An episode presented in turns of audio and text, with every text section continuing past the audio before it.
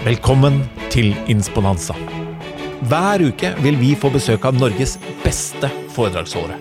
Det alle gjestene våre har til felles, er at de er her for å inspirere deg, og at du kan booke de på athenas.no. Jeg er Sigurd Granmark, og jeg er programleder og konferansier for konferansen Insponanza. Mer informasjon og billetter finner du på athenas.no. Velkommen til Insponanza. Gjesten nå, vet du, det er faktisk den som eh, Bortsett fra Mai, da.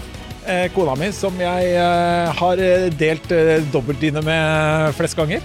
Og kanskje faktisk også bortsett fra min egen familie. Jeg har snakket flest timer med, og er en av mine favorittpersoner, og en av de som reiser rundt over hele Norge og inspirerer og motiverer og alt hva han mener og ikke mener han gjør når han holder eh, foredrag. Han har vært en fantastisk idrettsutøver. Du veit hvem han er. Øystein Pettersen, velkommen. Takk. Uh, hyggelig introduksjon. Og jeg tenker sånn Du må ikke si sånn. Det er jo her er det mulighet til å snuble. Oi, oi. Men slapp av. Jeg skal gjøre mitt eh, beste. Ja, og så begynte jeg å tenke på når jeg kjørte hit, faktisk. Om, vi har jo ligget i det dobbel laken. Ja. Det er jo, det er jo trivelig. Ja. Det er veldig rart, men dyne det er jo sånn nordisk fenomen. Ja. Det, det finner man jo ut når man reiser litt nedover i Europa. At det, der, er det bare, der er det bare laken. Jeg vet ikke om det er fordi de har med seg dyne selv.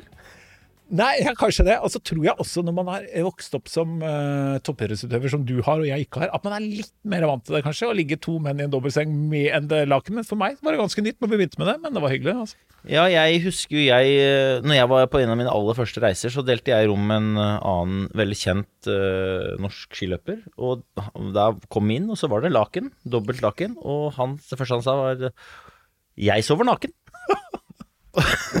det er fint, det. Jeg, lever, jeg, jeg sover nakken selv, så det er greit. I know.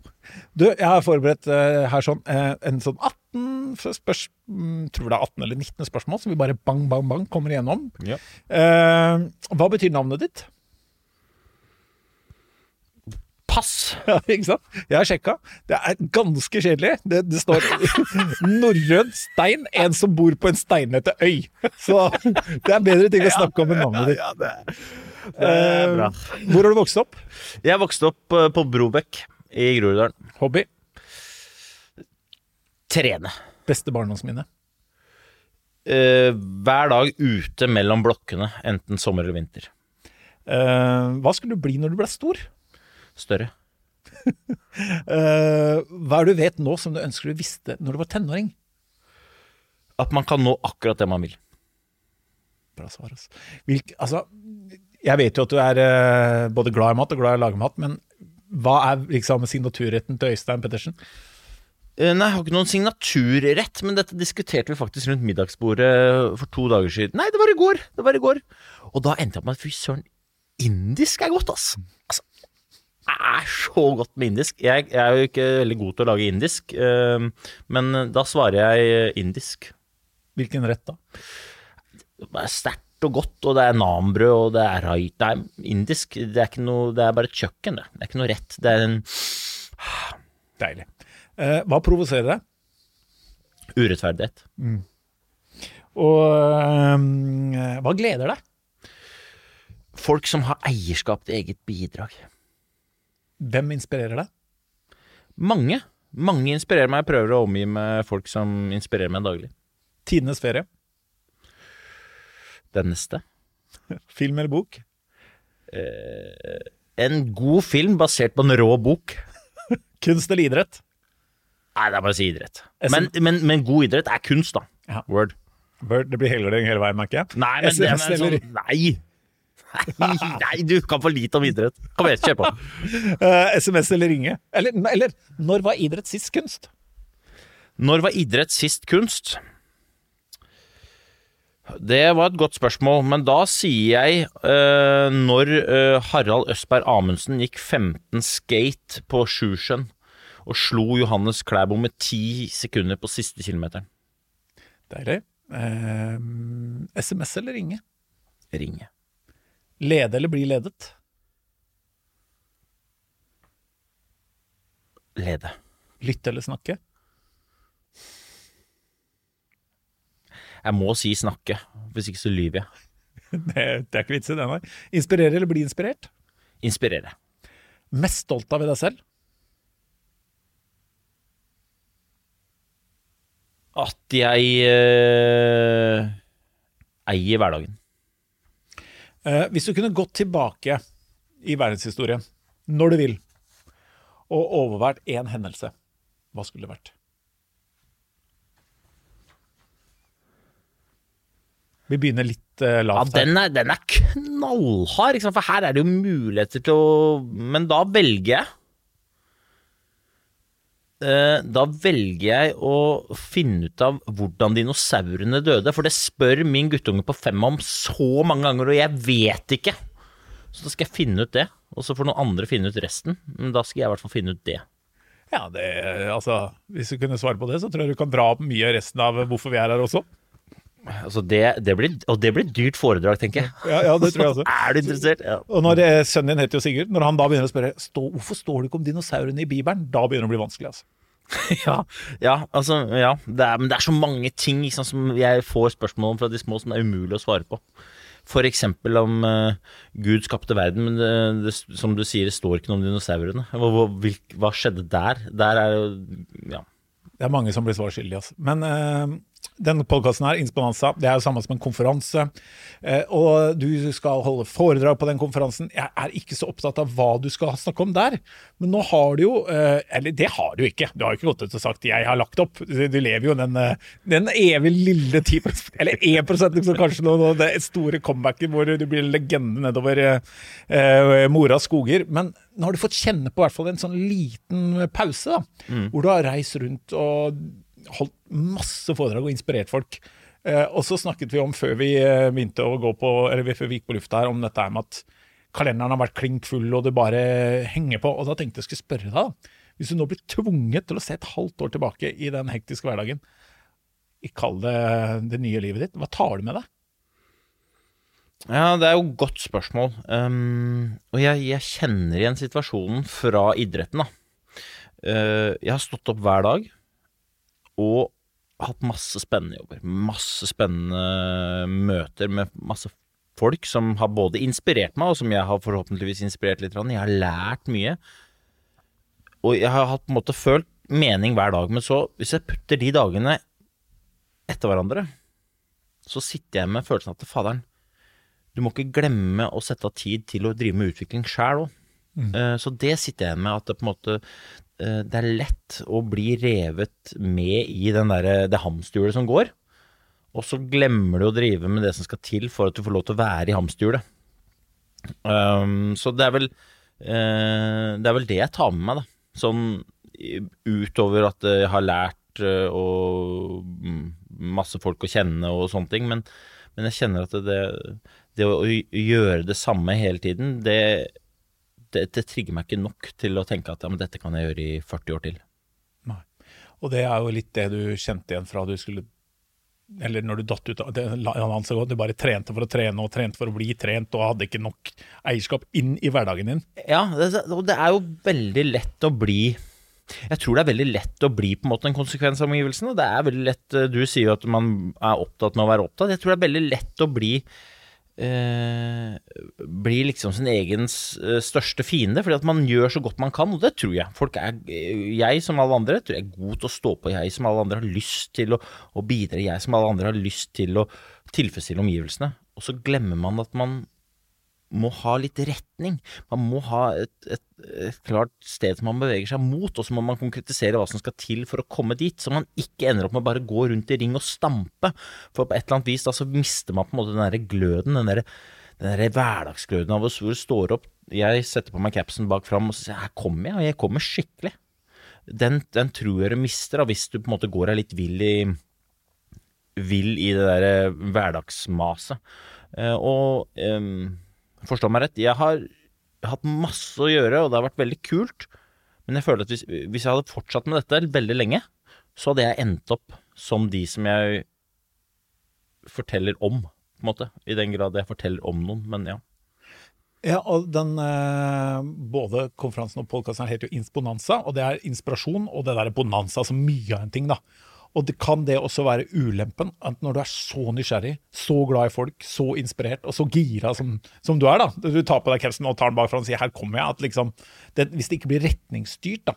At det, det kanskje det viktigste man gjør, er å stoppe opp og si eh, Mm. 'hvor vil jeg hen', da? Hva er det all denne energien skal brukes mot? Har du satt deg noe sånt? Har du noen mål nå? Um, ja, eh, jeg har det. Og jeg, eh, altså det du sier, jeg tror mange kjenner seg igjen. Alle kjenner en eller annen som har den, er den typiske Han har mange baller i lufta-fyren, ikke sant?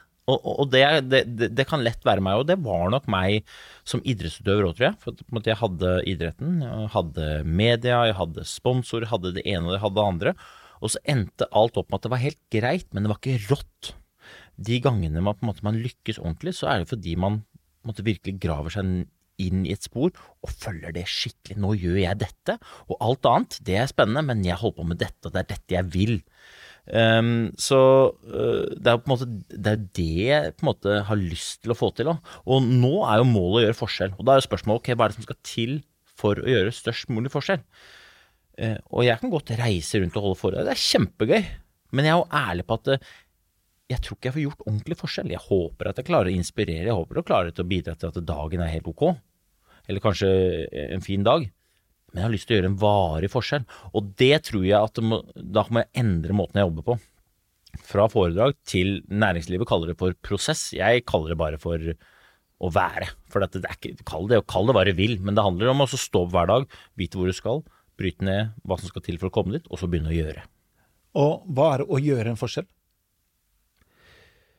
I mitt hode, det, det, og det jeg tr håper og tror at jeg kan bidra med, og som jeg har veldig lyst til å gjøre en forskjell på, er jo å bidra til at folk står opp med eierskap til, til eget bidrag. At folk har litt sånn eh, bevisst forhold til hva de bruker tida si på, energien sin på, ressursene sine på, som på en måte skaper dager med mening, skaper dager med fremdrift, skaper liksom følelsen av at her er jeg, og jeg gjør greia mi, og jeg er på vei noe sted. Istedenfor å ha følelsen av at her er jeg, og jeg har masse å gjøre. For det, det tro, jeg tror ikke at det er gøy i lengden. Du sa til meg på telefon en gang at det er sånn, den forskjellen på å, å leve og være i live. Ja, altså, eller det er to det, det, det, Ja, det var ja. to, to typer mennesker.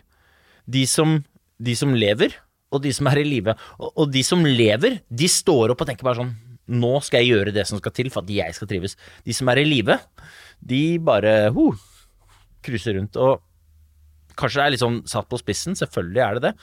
Men jeg mener det. Altså, du må ta litt eierskap til greiene. Og det er veldig lett å s- Se i dag, da. Det er så mange ting som påvirker oss. Det er så mange ting som kanskje både begrenser oss, men også muligheten gjør det. Men det gjør jo at det er vanskelig å Hvis man ikke da har en klar retning på hva man skal gjøre, så ender man opp med å ikke helt vite hva man Hva er det, hva er det jeg holder på med? Og så ender man opp med å gå rundt seg sjæl fordi at alt liksom virker så spennende. Og jeg tror på sikt én at eh, prestasjonene faller, men to viktigere at det liksom gløden, den derre lidenskapen, den derre Faderen, ass, dette får vi til, og dette er gøy. Den forsvinner litt på veien. Når kjenner du at du er der? De gangene jeg reiser hjem og føler at uh, jeg har jobba, da føler jeg det. Og de gangene jeg føler at jeg ikke strekker til noen arenaer Jeg har lyst til å være opptatt med å prestere, jeg. Og, og bak prestasjonsbegrepet ligger det mye jobb. Forstå meg rett, jeg er ikke redd for å jobbe, men jeg er redd for å føle at det bare er jobb. Jeg er ikke redd for å gjøre ting som folk tenker sånn, fy søren, det der er krevende, eller det der kommer til å kreve masse ressurser. Altså, det er det jeg er ute etter, men det må føles meningsfylt, det må føles ut som det er noe jeg har lyst til å gjøre. Og så kan du si sånn, men faen, Pølsa, det, det er jo mange som har en vanlig jobb, og jeg er helt enig i det.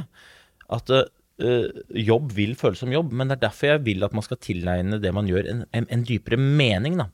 Sånn at man kan skape den følelsen av mestring, glød og fremdrift, uavhengig av hva man gjør, men hvordan man gjør det man gjør. Eh, vi har lært opp til at vi ikke skal identifisere oss med det vi gjør, og det kan jeg godt hende, det, det, det er jeg enig i.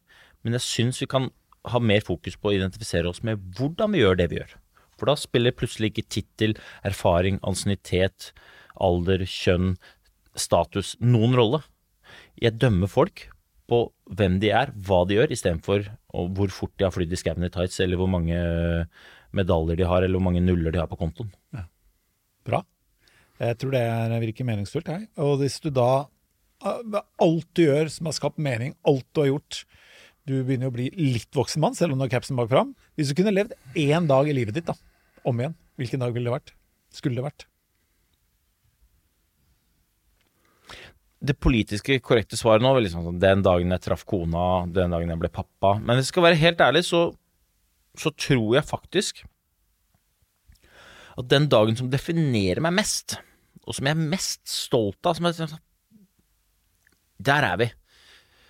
Det er den dagen eh, Eller det er to dager. Den ene er den dagen jeg bestemte meg for å gjøre det som skulle til for å få til det jeg hadde lyst til å få til. Og da, da snakker vi en eller annen gang i våren 2014, eh, hvor, eh, hvor jeg bestemmer meg for at nå skal jeg gjøre det som kreves. Og det andre er, eh, er en eh, februardag i 2015 hvor jeg mm, går Holmenkollmarsjen på blanke ski. Eh, et, et skirenn jeg ikke bryr meg noen ting om. Ingen andre bryr seg noe om det heller. Men grunnen til at jeg sier det, er fordi at den dagen så så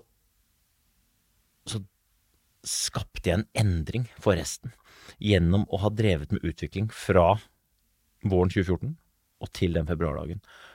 Og den følelsen der, det er den jeg higer etter hver dag. Det er, jeg har så lyst til å drive med utvikling som resten opplever som endring. Ikke fordi at eh, jeg har så voldsomt behov for at andre skal oppleve endring, men fordi det var så gøy å drive med utvikling. Fy søren, å få liksom svar på at ja, dette er mulig, og vi kan endre måten vi ser på ting. Vi kan endre hvordan vi gjør ting.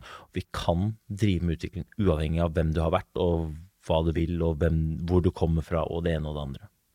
Og ja, jeg husker det her veldig godt. Eh, Vi trenger ikke å gå down the memory lane for mye på det, for jeg, jeg, jeg, eh, jeg tror det, som du sier der, hvordan vi ser ting, hva som er mulig, det, det forma deg da.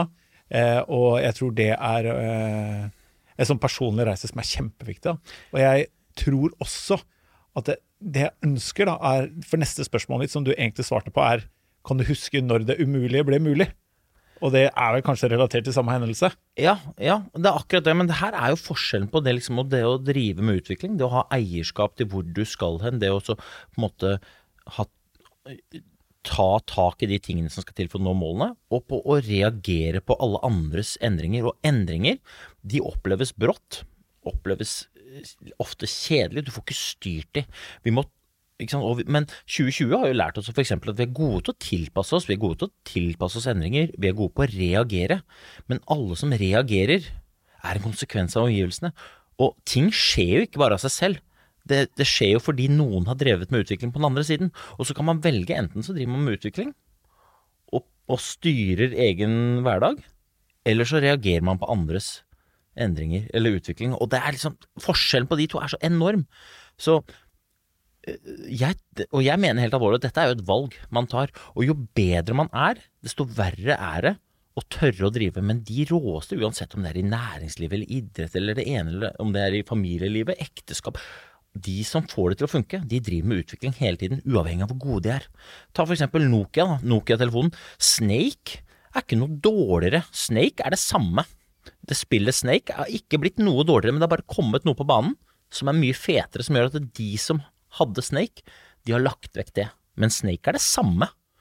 Kodak, ikke sant, slitte eksempelet med Kodak, det er jo det samme. Filmrullen har ikke blitt noe dårligere, det er bare at den lille chipen du har i telefonen er blitt bedre. Så da legger du det andre vekk. Og det, det er et valg man må ta. Um, så jeg, jeg, brenner jo for den der, den derre forståelsen av at det, absolutt alt er mulig, men ikke hvis du gjør det samme hver eneste dag. Og en annen ting med det er at alle vet at uansett hvor fett det du holder på med er, hvis du gjør det samme, så blir det jo kjedelig. Men hva skal til, da? Hva det vi skal gi folk ett eller to tips? Hvordan skal du ta tak da, hvis du føler at altså Det er jo det å klare, som du sier, at hvis du skal få lov å komme inn i hamsterhjulet, så må du kanskje gå ut igjen. Hva, hva, kan man gjøre for å stoppe opp livet sitt og si at nå må jeg, nå må jeg faktisk bare ta det ansvaret der og legge meg en ny plan, eller har du noen par tips? Jeg tror du sa tipset i spørsmålet. Man må stoppe opp, og så må man gå på utsiden, og så må man sette seg et klart hva er, det, hva er, det, du har lyst til å gjøre? Altså sånn, hvem er du? Hva står du for? Hvor har du lyst til å komme? Du må lage din historie.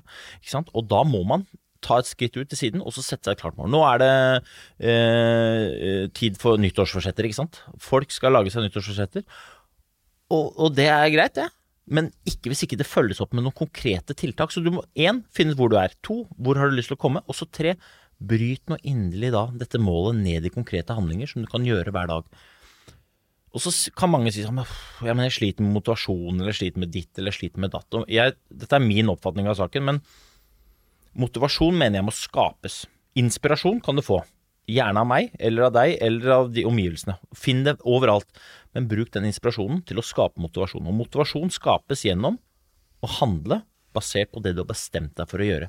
Basert på de verdiene du står på. Basert på det du har lyst til å gjøre. Og hver gang du handler basert på de verdiene og basert på de suksesskriteriene du har satt deg, så skaper du moment. Moment det er følelsen av å være på vei noe sted. Det er følelsen av å gjøre det som skal til for å komme dit du har lyst til å komme.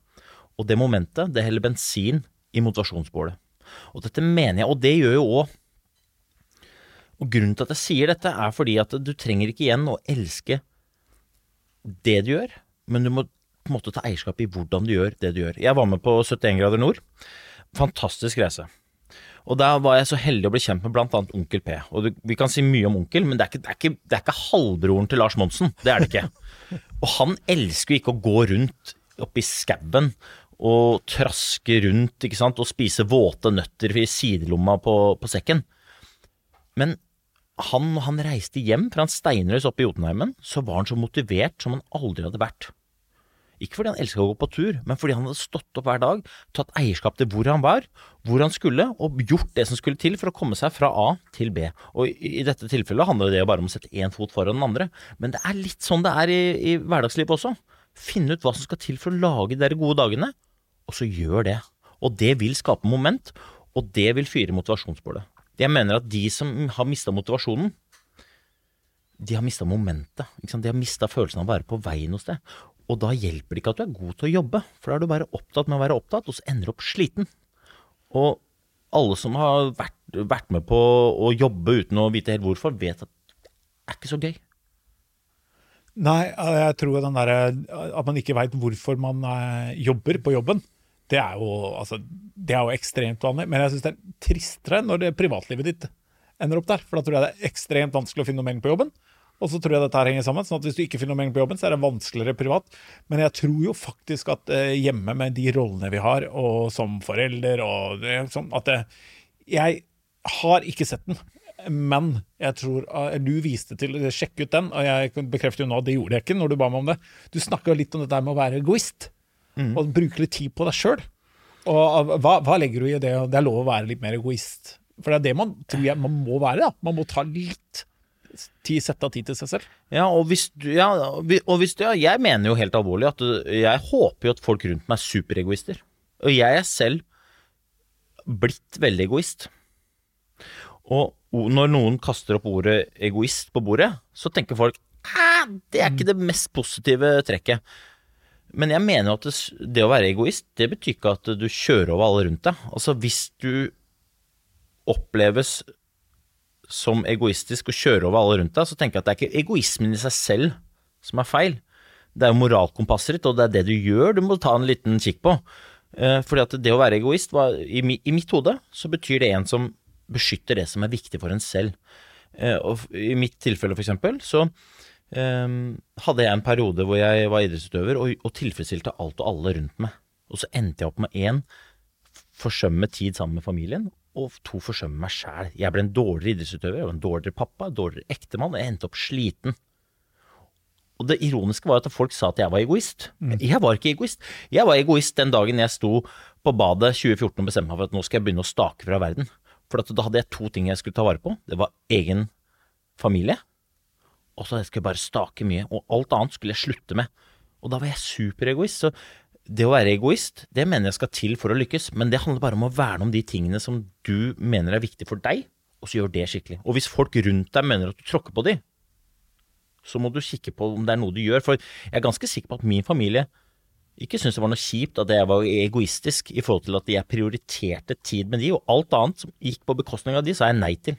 Av egoistiske grunner. Jeg gjorde det fordi jeg mente at det var mye viktigere for meg å legge Oda, eller legge Sigurd, og gi kona mi en klem, enn å være med på TV-program. Eller det ene eller det andre. Jeg var masse hjemme. Og de gangene jeg var borte masse, og gjorde ting som jeg egentlig ikke hadde lyst til å gjøre, men som ble forventa av meg. Så fikk jeg høre at jeg var egoistisk, for jeg var borte 250 døgn i året. Det, sånn, det er jo helt idiotisk. Jeg skulle vært hjemme hvis jeg hadde vært egoist. Jeg, jeg syns det er en, en bra beskrivelse. Jeg tror det er det folk må gjøre. da. Verne om seg og sitt, men først må du finne ut hva er deg og ditt. Eh, jeg, jeg, jeg liker det veldig bra, og jeg, jeg syns at hvis du skulle tatt det, ikke, ikke egoisme, men det og fått innprenta et råd, da. Du tenker på deg og Ole Jørgen er det Kari? Et mor, Kari. Kari. Og dette i Brobekk, når du har liksom vokst opp. Hvis du skulle installert én ting, og nå er jeg ikke på egoistbordet lenger, i uh, Sigurd og Oda, da, barna dine, ett råd som de aldri glemmer. Hva er det? Jeg, jeg, jeg er veldig opptatt av eierskap, jeg, da. Altså, ta eierskap til hvem du er og, og hvor du vil. Ta liksom jeg, jeg, er jo blant de som både sier, men også tror at vi kan bli akkurat det vi vil. Men jeg er helt overbevist om at vi får ikke til noe hvis ikke vi tar eierskap til den reisen. Så uh, mitt, mitt, ene og klare råd er å ta eierskap til hele prosessen. Ta eierskap, ta styringa gjennom å finne ut hvor du vil. Hvor er du? Hvor vil du? Hva må til for å komme dit? Det er egentlig ikke verre. Altså, dette her handler jo om hvor god du er til å vinne, som du, du spør om. Altså, uh, folk går rundt og er livredde for å tape. Men det å være god til å vinne, det handler jo om akkurat det. Det er å bryte ned hva som skal til for å komme fra A til B. Og når du kommer til B, sett deg et nytt mål og fortsett. Hvis ikke, så begynner du bare å reagere. Da begynner du å tilpasse deg andres endringer. Du må hele tiden være på vei, da. Ja, og det er hele tiden være på vei. Jeg benytter meg anledningen til å misbruke Jeg håper ikke det er konfidensiell informasjon som du sikkert har snakket ikke. om. deg tydeligvis ikke. Eller nei, sikkert ikke. Men informasjon du har sagt til meg tidligere, at da du vant OL-gull, så ble det litt sånn Ja, hva nå, da? Ja, det er helt riktig. Altså, jeg har aldri vært så umotivert som den dagen jeg eh, vant OL-gull, eller dagen etter. For da spilte det ikke noen rolle hva jeg gjorde. Uh, og hvis dere spoler tilbake, hva sa, jeg om, hva sa jeg om motivasjon? Jo, det er noe du skaper gjennom moment. Og moment det får du når du handler basert på de verdiene du har, og basert på det som skal til for å nå dit hvor du har lyst til å komme. Og plutselig så kom jeg dit jeg hadde lyst til å komme, og da spilte det ikke noen rolle hva jeg gjorde. Kunne jeg ta den ene foten opp, eller jeg kunne sitte, eller jeg kunne løpe, jeg kunne sykle Det spilte ingen rolle, for jeg var ikke på vei noe sted. Vips, så mista jeg momentet, og da mista jeg motivasjonen. Så på en måte Det å nå mål, det er veldig gøy. Men du må aldri slutte å tenke at du liksom Du kommer aldri til målet, egentlig. Det er det som er det fine. For det er da du vedlikeholder det den følelsen av å være på vei. Altså, og, og, det her handler jo om uh, flåsete nok ambisjon til livet. Altså, er, når er nok nok, for eksempel? Det er sånn ja, du, Hvis jeg tar på meg en tights nå, så kommer folk til meg og spør ja, du holder på ennå. Jeg er bare sånn holde på ende? Skal jeg sette meg ned, ta på meg en joggebukse og kjøpe en pakke med cheese doodles? Er det det du Altså, jeg kommer til å gå rundt i skauen til jeg ikke orker lenger.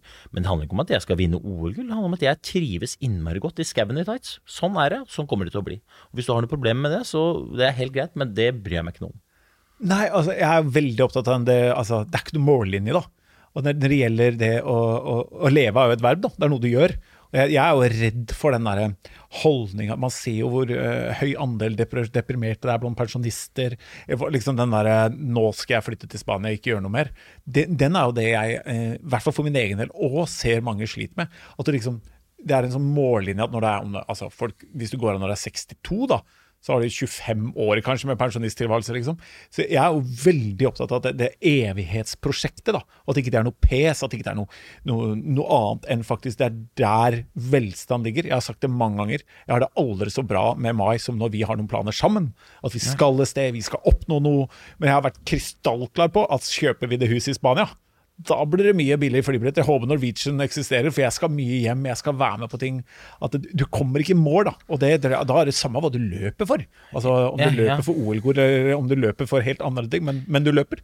Ja, også det er jo på en måte sånn Jeg er helt enig med deg, og jeg er jo der at jeg, jeg bryr meg ikke så innmari mye om resultatene, men det er på en måte de derre det er det å være i stand til å skape resultatene som er viktig. Det er jo prestasjonene som er viktig. Og det er jo I idretten så er det et uttrykk som heter flow. Og flow, altså det er, det er den Hvis jeg skulle på en måte hvilken, Hvis spørsmålet har vært hvilken følelse var det du skulle ønske at alle sammen fikk oppleve, så er svaret mitt flow. Og flow, det er en sånn tilstand når du gjør greia di, og du gjør det skikkelig. Er, oppgaven er så krevende at du må ha 110% fokus på det du gjør, for du vet at det kommer til å kreve alt du har.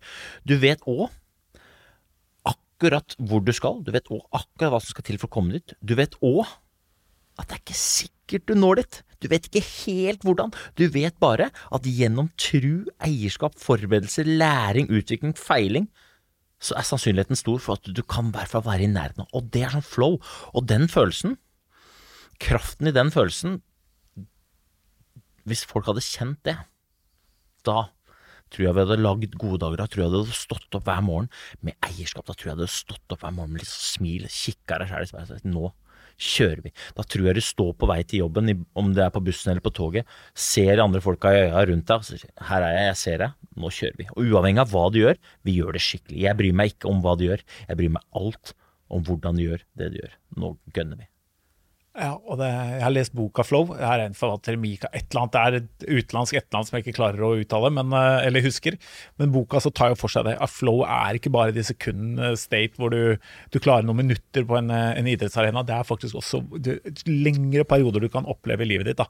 Hvis du, da tror jeg forutsetningen, som du sier, er et tydelig målbilde. Ta eierskap til det og skap momentum. da. da det, er, det er ikke Noen sitter nesten og venter på ding-dong at flow skal ringe på, eller motivasjon skal ringe på.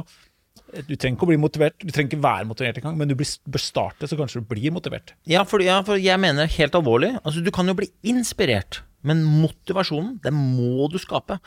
Og så sier man ja, men hva hvis du ikke vet hvordan du skal nå målet? Og det er ikke sånn Hvis du vet hvordan du skal nå målet, legg det vekk, finn deg et nytt et. For det er der nøkkelen ligger. Hvis du vet hvordan du skal nå målet, så er det per definisjon ikke noe utvikling i det. Det er bare repetering.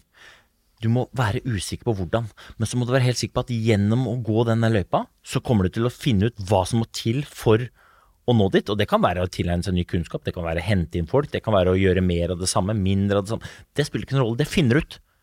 Men det er der nerven ligger, og det er det som gjør at du kan skape flow. For du vet ikke helt hvordan, men du vet at det krever alt du har av ressurser. Og det er så mye lettere å legge vekk distraksjonen. Da er du ikke opptatt med å være opptatt, da er du opptatt med å prestere. Og som jeg sa, jeg er ikke redd for å jobbe mye, jeg er bare redd for at det skal føles som jobb. Jeg har lyst til å jobbe masse med å prestere. Det er det, viktig. Og når du er der, bare for å avslutte det segmentet, det er det derre det er utrolig hvor lite problem man har. Altså, det, er bare, det, er bare, akkurat som alt den støyen, alle de tingene du driver og altså Jeg sier jo ofte til folk får deg større problemer. Når du blir så lidenskapelig opptatt av den tingen, så er det så utrolig mye annet i livet som faller på plass. Eh, Vanskelig spørsmål neste, tror jeg, da. Men øh, hvis du kunne spurt én person, levende eller død, bare ett spørsmål, hvem ville du spurt noe, og hva ville du spurt om? Oh, ja, det er jo helt riktig. Uh...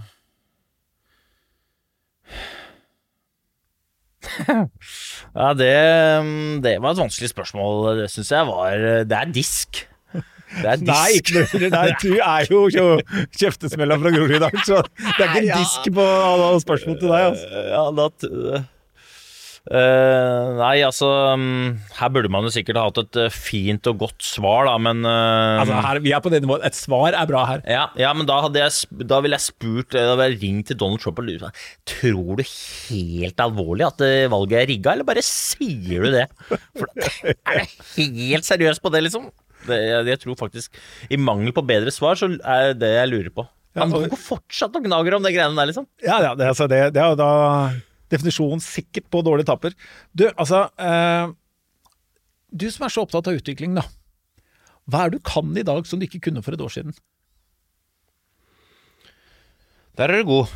Hva kan jeg i dag som ikke kunne for et år siden? Det er masse. Eh, men det jeg tror jeg har lært aller mest om, det tror jeg er eh, kommunikasjon, faktisk. Kommunikasjon. jeg har jeg har blitt innmari opptatt av kommunikasjon og forskjellen på Eller hvordan vi påvirker hverandre gjennom å være, og forskjellen på hensikt, intensjon og effekt. Um, så det, jeg tror jeg mye ligger der, da, i forhold til hva jeg kan nå som jeg ikke kunne Eller jeg kan godt hende jeg kunne det, men i hvert fall ikke så bevisst det. Og hvis du eh, skal bruke ett minutt på å lære eh, meg og andre da, om forskjellen på intensjon og effekt, hva er det?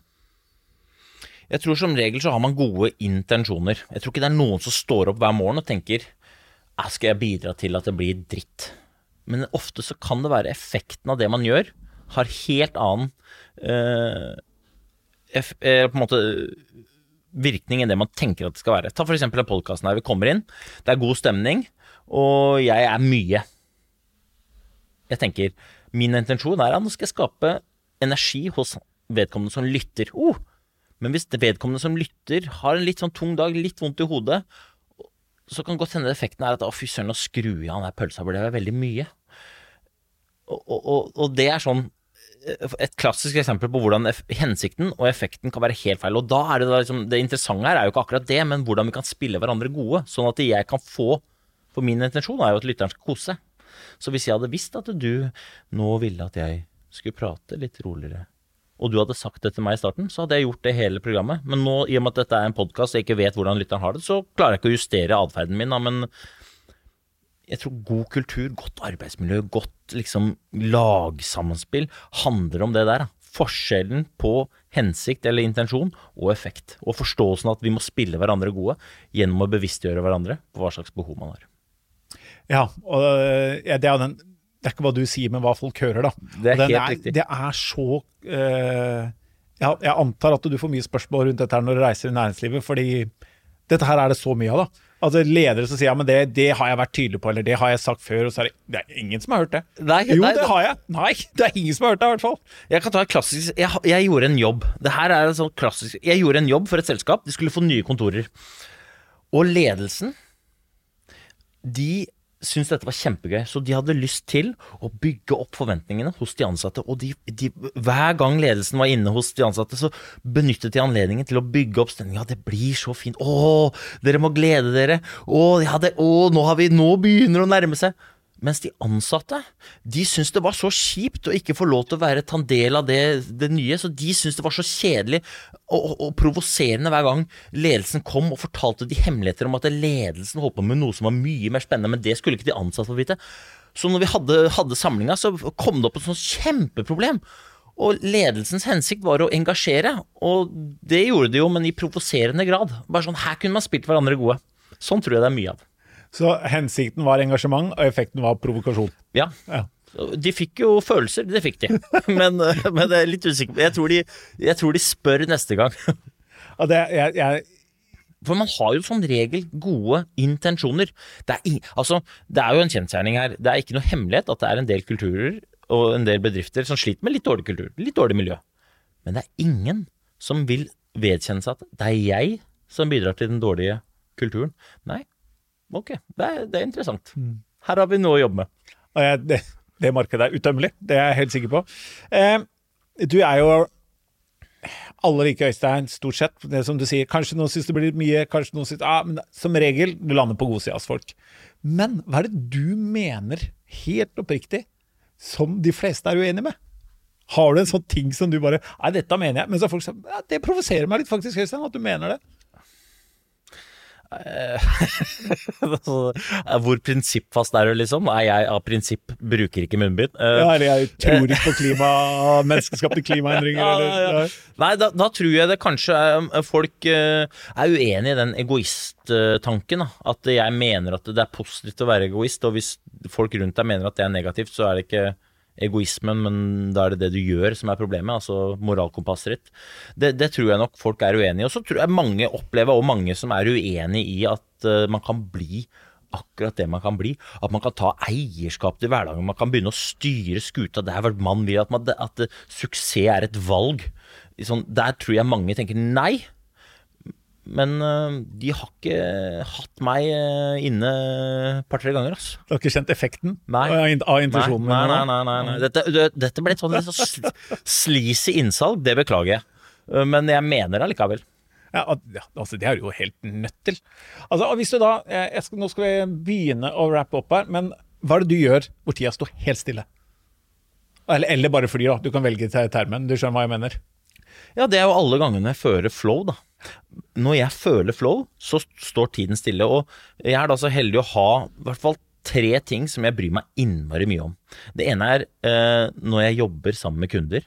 Jeg syns det er så spennende å kunne være til stede 100% sammen med kundene og drive med utvikling. Ikke at jeg har svarene, men at vi sammen spiller hverandre gode, sånn at vi skaper utvikling. Da står tiden stille. I tillegg så er det trening.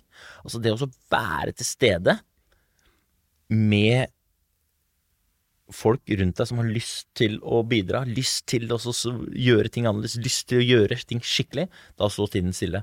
Og så er det òg når jeg sitter foran TV-skjermen og ser på de første episodene av uh, Jakten på kjærligheten. Da står òg tiden stille. Når det er de første eh, datene der hvor det er Skikkelig klammere. da koser jeg meg. Skulle ønske at det bare sånn, dette varer for evig. Da sitter jeg der, sykkelhjelm på hodet 3D-briller, popkorn, kose meg. Bra. Jeg har to spørsmål igjen. Om ti år Hva er det folk husker deg som? Fra nå om ti år, hvis folk sier de siste ti åra, hva er det de husker deg for? Jeg har lyst til å gjøre en forskjell, det er målet mitt. Og om ti år så håper jeg at jeg har rykte på meg å være en fyr som kommer inn, og som hjelper folk til å se hvilke potensialer de har. Kult. Hvilke spørsmål er jeg burde ha stilt deg som ikke har spurt om? Nei, det, uff, det er jo vanskelige spørsmål, da. Men um, hvilke spørsmål jeg, jeg, Du er jo god, da, ikke sant. Det er jo Jeg tror ikke det er noe Jeg, jeg føler ikke jeg brenner inne med noe. Er jo ikke det? Er det noe du angrer på, siden du stiller spørsmål sånn? nei, nei, ja, absolutt ikke. Jeg angrer ingenting. Det kan hende at du bare Når du kom inn her, jeg hoppa og spør meg om det, og jeg brenner for det, og Så ikke du skal gå ut og tenke 'Å, hvorfor spurte meg om det, da?' Nei men, uh, nei, men jeg kan ta en siste ting. Jeg kan ta en siste ting. Fordi at uh, Igjen tilbake til både eierskap, men òg til uh, på en måte retning. Eh, og, kommunikasjon. Når, når, vi er ferdige nå, så uh, logger vi av, og så sier vi ha, adjø, og så sier du ha en god dag, ha en god jul, ha en god ditt, ha en god datt. Uh, og jeg sier jo uh, Og der er jo intensjonen er jo god, men det overlater så innmari mye til tilfeldighetene. Jeg sier lag en god dag, lag en god jul, lag en god 2020, lag en god reise, sånn at det du tar eierskap til hvor du skal, hva som skjer. Altså, Ting skjer ikke. Du må skape det selv. Når jeg blir gammel, skal jeg sitte i en gyngestol og fortelle historier. Det skal være mine historier som jeg har laga. Og da må vi begynne med å lage de historiene gjennom å ta eierskap til hvordan de skal bli. Hva er det du har lyst til å oppnå? Og så gjøre det. Så fra nå av, folkens, så heter det ikke ha en god dag, men det heter lag en god dag. Og hvis du har lyst til å lage deg et bra kickoff, lyst til å lage deg en bra ansattsamling, eller hvis du rett og slett bare vil ta mer eierskap, få litt momentum og både også lære litt både hvor man kommuniserer og får effekt av det, så går du på atenas.no, så booker Øystein, så tror jeg du skal få en, eh, en bra reise. Øystein, altså, det var fantastisk å ha deg her, så da får du, når du går ut derfra, lage deg en god dag, da. Det skal jeg love. Og det var nydelig å se deg. Så lenge siden jeg har sett deg. Altså, nå er jo dette en podkast, og det spiller ingen rolle, men eh, det var godt å se deg, Sigurd. Jeg har savna deg. Og Morten også, han sitter bak her. Dere ser han ikke, han heller, men han er her, han også. Det er han som sørger for at all den lyden i bakgrunnen uh, blir borte, forhåpentligvis. Men nå er det ferdig. Takk for nå. Hver uke vil vi få besøk av Norges beste foredragsholdere. Det alle gjestene våre har til felles, er at de er her for å inspirere deg og at du kan booke de på Athenas NO.